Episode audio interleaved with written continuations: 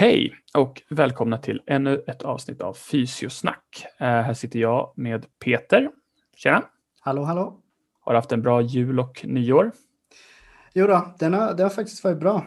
Det har varit mysigt, eh, juligt med familjen eh, och sen var jag i Stockholm på nyår. Mm. Så att det, det har varit skönt med ett litet uppehåll faktiskt. Det var ja. välbehövt och eh, jätteskönt att komma in i 2021 tycker jag. Ja, det känns som ett år man vill lämna bakom sig med det här, det här corona. Man, mm. man börjar bli minst sagt trött på det, måste jag mm. säga. Eh, men vad bra. Eh, idag blir då det, det snitta, sista avsnittet av eh, menisker. Då. Vi har haft ett, eh, tema på menisker och tidigare har vi då snackat om eh, tester. Hur specifika är de här testerna egentligen och hur bra är de på att upptäcka och utesluta att det är menisk? Samt symptom du kan plocka upp i en anamnes. Eh, är symptombilden specifik, att den kan tala för menisk eller kan upphakningar och, och stelheter betyda på något annat? Eh, dagens avsnitt ska dock eh, avhandla det sista eh, området där och det är meniskoperationer och konservativ behandling.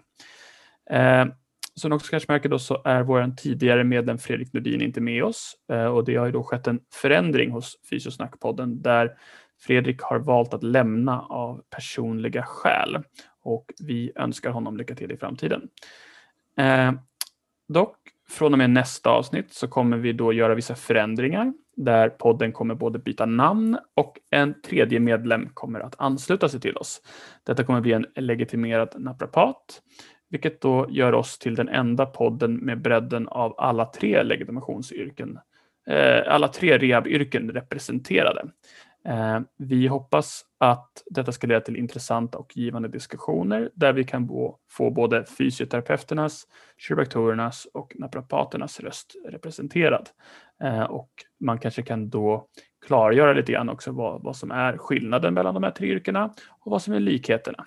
Det finns en hel del eh, som är samma och en del som är olika och det här ska bli intressant att se om vi kan eh, lysa lite ljus på det. Eh, då går vi väl egentligen vidare till eh, dagens tema med Peter. Varsågod. Mm -hmm. Så att jag ska beskriva, berätta om de här två artiklarna som vi har valt ut och läst inför det här avsnittet. Eh, den första är en RCT-studie som heter Arthroscopic Partial Meniscectomy versus Sham Surgery for a Degenerative Meniscal Tear and Arthroscopic Partial Meniscal ectomy for a degenerative meniscus tear, a five-year follow-up of the placebo surgery-controlled fidelity Finnish Degenerative Meniscus Lesion Study Trial. Lång titel där. Och det är författarna eh, Sivonen et al. 2020. Och de har även gjort, eh, det, det här är alltså baseras på deras originalstudie som de gjorde 2018 med två års uppföljning och det här är då fem års uppföljning. Eh, sen har vi en systematisk review med titeln Knee Arthroscopy versus Conservative Management in Patients eh, with Degenerative Knee Disease, a Systematic Review. Eh, och då är det Brignardello Petersen et al. 2017 som är författare där. Ehm, syftet med RCT-studien, den finska från 2020 alltså, det var att eh, jämföra partiell meniskektomi med kärnoperation eller placebooperation för degenerativ meniskruptur. Eh, och syftet med litteraturstudien eller reviewen var att jämföra artroskopisk operation med konservativ behandling för degenerativ knäledssjukdom. Eh, metod för RCT-studien så randomiserades 146 patienter med bedömd degenerativ meniskruptur och utan artrosförändringar. Eh, 70 stycken genomgick den faktiska operationen, den partiella meniskektomin, där man alltså plockar bort en del av menisken. Och 76 fick Deltagarna i den här studien hade haft symptom i minst tre månader och som inte hade förbättrats av konservativ behandling. Eh, de här följdes då i originalstudien upp efter två år som sagt och i den här studien är det vid fem års eh, uppföljning som man följer upp då. De primära utfallsmåtten var Western Ontario Meniscal Evaluation Tool, WOMET, Lysholm Knee och knäsmärta efter träning. Man kollade också på artrosutvecklingen utöver knäfunktion i de båda grupperna. I litteraturstudien inkluderades randomiserade kontrollerade studier, RCT, som jämfördes eh, med eh, jämförde artroskopi.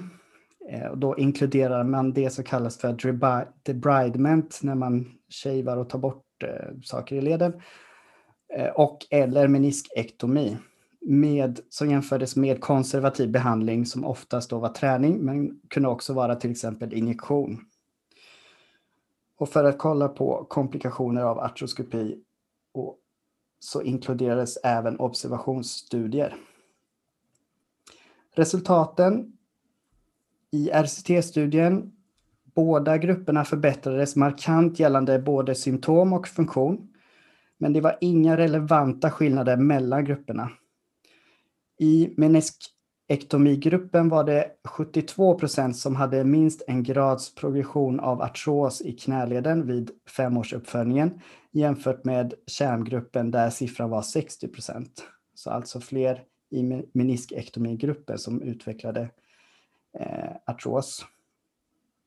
Och i litteraturöversikten så inkluderades eh, totalt 13 RCT och 12 observationsstudier eh, resultaten visade på en väldigt liten fördel i minskning av smärta vid tre månaders uppföljning och en väldigt liten eller ingen fördel vid två upp, tvåårsuppföljningen jämfört med konservativ behandling.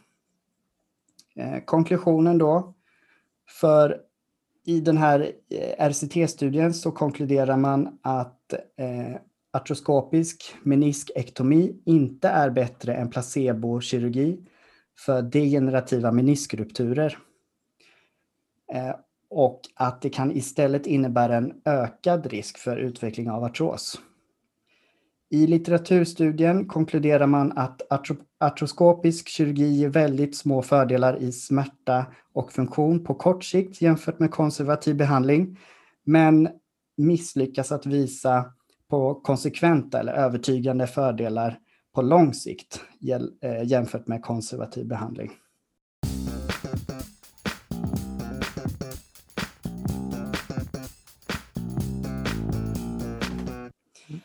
Så där, det var alltså en kort sammanfattning av de här två artiklarna som vi har valt ut. Ehm, och vad säger du Daniel om resultaten från de här studierna? Mm. Jag tycker att det är som med alla de här kärnoperationerna. Nu har man nu har gjort ganska många på olika tillstånd. Man har gjort det med axlar, man har gjort det med höfter och man, man har gjort det med knän. Då. Ehm, det som är är att man, man ser oftast det här resultatet och det, det är väl egentligen kanske inte att operationen är värdelös, men att operationer har ju mycket ospecifika effekter också. Påtvingad vila, det följer sjukskrivning, man har oftast en ganska god rehabplan som man fullföljer.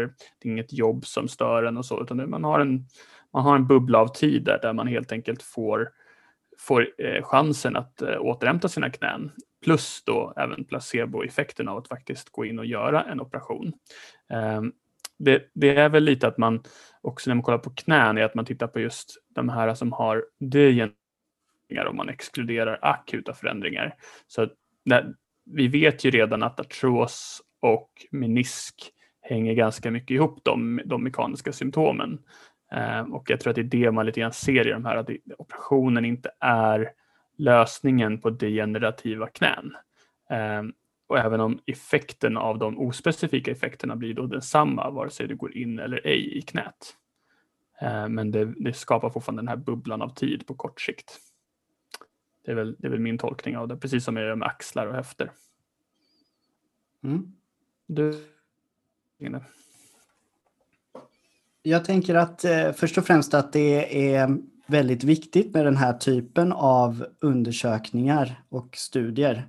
Att man jämför just eh, kirurgi mot eh, placebo eller kärmkirurgi för att verkligen ta reda på um, om det är någon skillnad. Och det, det vill man ju att det ska vara, eller det är det som är tanken i alla fall, att, att uh, man har en tanke att om vi går in och opererar och tar bort det här eller fixar det här, då ska det ge bättre resultat jämfört med om man bara går in med artroskopi och sen inte gör någonting mer. Mm. Um, så att det är, det är ju på ett sätt de här resultaten som kommer fram här är ju eh, ja, men lite um, intressanta just att eh, det verkar inte som att eh, kirurgin i, i det här fallet är bättre då än placebo. Så att då nej, kan man ju ja. nej, men då kan man ju ifrågasätta eh, den eh, behandlingen om det ska eh, vara förstahandsvalet eller om man ska prova någonting annat istället innan. Mm. Jag, jag tänker att det där att vad man ska testa först blir ju såklart utifrån det här resultatet och även annat är ju att man ska ju testa rehab först, men det är väl även det som är liksom riktlinjerna, att man oskuret är bäst. Man ska inte operera utan man ska köra konservativt. Men om man backar eh, 15-20 år tillbaka så, så var det inte så här. Så att de här studierna som har gjorts har ju lite grann vänt på steken. Nu, nu ser vi det lite annorlunda än vad vi gjorde förut. Eh, jag kan väl inte säga att det här resultatet är något förvånande resultat, utan det var ett förvånande resultat när sådana här studier började göras på menisker, eftersom det var en väldigt vanlig operation. Men, men nu känns det som att man bara hamrar in den här spiken djupare och djupare. Ehm, det, det, här, just det vi diskuterar idag är inte nytt, men det är viktigt att den informationen ändå kommer fram och når dem som den inte har nått än. Jag tycker att det är viktigt det som du belyser också, att det, det kan finnas andra strukturer och annat som kan göra ont i leden som man inte kommer åt vid den här operationen. Och just att det kan finnas flera ospecifika effekter också. Då. Man brukar ju säga, eller ja, man och man, men en del säger att eh, kirurgi är den ultimata placebon eftersom det är så stor ritual kring hela operationen. Det är så, det är liksom så mycket som händer. Jo, så är det såklart. Och även förklaringsmodellerna brukar ju vara väldigt mekaniska och som att man är väldigt säker på att om knät hakar upp sig, ja, men då är det menisken som fastnar. Liksom. Man, man har de här förklaringsmodellerna som är väldigt lättköpta för patienter och speciellt när det är någon överläkare som, som ger det eller när det, när det först är rehab som skickar till, till en ortoped som sen bekräftar. Det är klart att får man en mekanisk förklaring och sen får man en, en, lösning som har en förklaringsmodell som är väldigt mekanisk så är det lätt att köpa det. Sen med det sagt så en, en menisk inte som en annan menisk och jag, jag tror fortfarande att ibland så måste man operera. Eh, men de här studierna stödjer inte det. Men jag har haft patienter som har gått genomgått väldigt lång rehab och har inte blivit bättre. Eh, och då, då pratar vi eh, mycket mer än tre månader, ibland eh, något år eller två. Och sen har de opererat och upplever ändå för en stund att de är mycket bättre. Är det placebo eller inte? Det, det är svårt att veta på det här individuella fallet. Men jag tror att man kan inte säga att operationer är eh, dåligt alltid. Det är bara på populationsbas då, eller i alla fall de här eh, människorna som omfamnas i studierna. Så på degenerativa menisker så tror jag att operationer tyvärr tittar för snabbt på menisk när även andra strukturer kan ge exakt samma symptom. Det som, det som vi nämnde i tidigare avsnitt, att upphakning eller hyperextension och flektionssmärta och belastning, att det inte är specifikt för menisk. Eh, och att hitta sådana här saker på magnetkamera eller ultraljud är också väldigt vanligt även när du inte har några symptom. Så att jag tror att när man gör den här operationen så gör man det lite grann som en chansning och att det, utifrån dagens teknik så kan vi i alla fall inte veta att man behöver operera menisken utan man får chansa. Och utifrån de här operationerna, så även om det blir bra, så vet man inte om det berodde på operationen eller om det bara berodde på att det var en god rehab med sjukskrivning och påtvingad vila. Mm, precis. Ja, men det är som du säger, just att det här är ju fokus på degenerativa meniskrupturer. Kanske hade det sett annorlunda ut för mer traumatiska meniskrupturer och framförallt för kanske lite yngre population. Mm. Eh, som vi också diskuterade i FAI-avsnittet. Så eh, absolut, jag, jag tänker också att eh, en del behöver, kan behöva opereras men att det, man behöver bli duktig på att veta när och vilka som behöver det och vilka som inte behöver det. Jag tänker att när man har en patient som, som har meniskproblem och det finns symptom så, så kan det ju vara värt att nämna de här grejerna för dem. Att det finns en god chans att det är exakt samma resultat med rehab. Det finns en god chans att det här kommer bli bra med rehab och det, om du opereras så finns det en, en förhöjd risk, inte en jättehög risk, men det finns en förhöjd risk för artrosförändringar som då också kommer behöva träning och rehab. Så jag tror man kan, man kan använda sig av dagens evidensläge för att ändå övertyga patienter om att man behöver sköta sin rehab och om de inte kan göra det, om de inte liksom får till det med, sjuk, alltså att de, med jobbet eller att de inte hinner vila och allt det där, så kommer man till sist hamna på operationsbordet eh, och så kommer man få det påtvingat. Men det finns alltid en risk. Eh, och kan man liksom förklara hur, hur det här förloppet kan bli om man inte sköter sin rehab, ja då kanske man kan få med dem på spåret att i alla fall testa och sköta sin rehab och sin vila och återhämtning.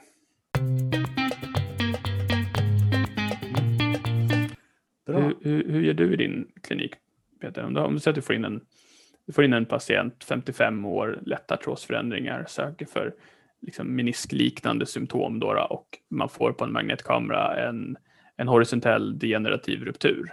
Hur hade du bemött honom idag? Mm. Självklart så gör jag ju en, en um, gedigen eh, undersökning och anamnestagning. Så jag försöker ju samla så mycket information som möjligt och eh, därifrån utifrån symptombilden och, och, undersökningen bilda mig en uppfattning och göra en, en bedömning. Mm. Eh, och eh, är det liksom väldigt uttalade besvär och olika typer av mekaniska symptom och sådär som skulle göra att jag misstänker att det är någonting i knäleder som, som ställer till det. Eh, jag skulle, jag skulle påbörja rehabilitering som vanligt och samtidigt eh, liksom följa utvecklingen såklart och eh, kommunicera med eventuell läkare eller ortoped vid, vid behov egentligen. Men, mm. men jag tänker alltid konservativ behandling först och eh, försöka se till så att de verkligen kör ordentligt så att man inte gör halvdant. Mm. Eh, så det är väl så jag tänker. Och är det så att vi, vi ser ingen en, en förbättring efter, efter ja, flera veckor. Jag, jag, tänker i alla fall att en sån patient skulle behöva minst tre månaders rehabilitering för att liksom kunna utvärdera effekten av det. Men, men skulle jag märka att det verkligen inte går framåt, men självklart tar jag ta hjälp av någon annan, till exempel läkare eller ortoped för, för en bedömning. Mm. Så lite så tänker jag.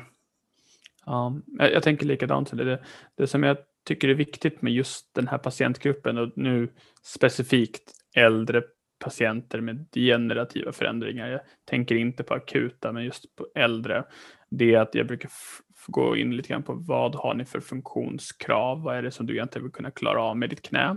Eh, och försöka hitta någon form av liksom motivation. Vad är målet med, med rehaben och, och med en eventuell operation? Vad är det du vill klara av? Eh, är det rimligt att tro att eh, rehab kommer att hjälpa? Och vad för förväntningar har, alltså, vad har patienten för förväntningar på vad jag ska göra och vad ska jag då ha förväntningar på vad patienten ska göra? Eh, för att man ska få en god rehab tid med dem, en bra behandlingsplan, så tror jag att patienten måste välja rehab. Det är inte att man ska säga att vi ska testa rehab och om det inte hjälper så kommer vi testa ortoped. Utan jag tror att patienten måste tidigt välja eh, vilja satsa på rehab utifrån det rådande kunskapsläget eh, eller jag träffa ortoped först för att få en bedömning om operation. För jag, jag, tror inte att man, man når inte så långt med att testa lite rehab med en patient utan man måste få patienten att välja den vägen. För att annars får man en dålig behandlingsförlopp. Då. De kommer inte sköta det som de ska. Absolut. Nej, men det är eh, bra kommentarer. Det är så viktigt med eh, förväntningar och positiva förväntningar och att få med sig patienten. Mm, absolut. jag, tycker jag hör väldigt ofta patienter som de kan ha gått hos någon annan eller det kan vara att man själv har träffat dem för länge sedan. Och så, här, så man, man, patienten har ett sätt att se på att operation är någonting man måste först göra rehab för att sen komma till operation. Man, man måste, jag tror man måste lägga ner ganska mycket tid på dem vid första eller andra besöket i alla fall på att jag har undersökt ditt knä, jag kommer fram till att det sannolikt är någonting med menisken eller med brosket, alltså det är någonting i knät, det är inte dina muskler som är problemet, det är någonting i själva knäleden som är problemet. Men vi kan träna dem också. Vi kan vi kan förbättra de här funktionerna så att knät börjar må bättre. Så den börjar kunna göra saker som den vill kunna göra. Om, om man pratar med dem tidigt så att de förstår att det inte är att vi testar rehab och om, om du inte blir bättre, ja, då kommer vi erbjuda dig nästa steg. Utan att de förstår att de här stegen är faktiskt likvärdiga. Att man kan testa operationen, sannolikt är det lika bra som, en, som rehab. Eh, eller så kan man testa rehab som då enligt de här operationerna är inte heller bättre än, än operationen, men det är mindre risk. Och de här operationernas effekt kan orsakas av att det faktiskt är att de gör rehab efter. Så sannolikheten att det är rehaben som hjälper mest är ju ganska hög. Och kan man få patienten att förstå hur vi ser på det så tror jag att rehaben har en bättre effekt eh, generellt. Mm. Ja, nej men bra, viktig, bra och viktig eh, punkt du tar upp där. Mm. Eh, och med de orden så tänker jag att vi avrundar det här avsnittet och den här serien på menisker. Ehm, snyggt jobbat Daniel. Ehm, och så ser vi fram emot eh, ett eh, nytt år här då, 2021, med eh, fortsatt eh, poddande tillsammans med vår nya poddvärld som kommer till nästa avsnitt. Mm. Vi kommer hålla en liten intervju med honom och vi kommer att försöka lära känna honom. Det är en person som jag inte känner sedan tidigare så det här ska bli kul. Mm, ja, men det ska bli riktigt spännande tycker jag. Så ni får hålla till godo så ses vi nästa gång helt enkelt. Mm, när vi spelar in den då Peter? Ja, förhoppningsvis så blir det om två veckor, någonting mm. sånt. Allt kan hända, så är det. Ja, precis. ja. ja, men du får uh, ha det så bra så hörs vi. Mm, det med. Ha det bra Peter. Också. Ha det bra. Hej då.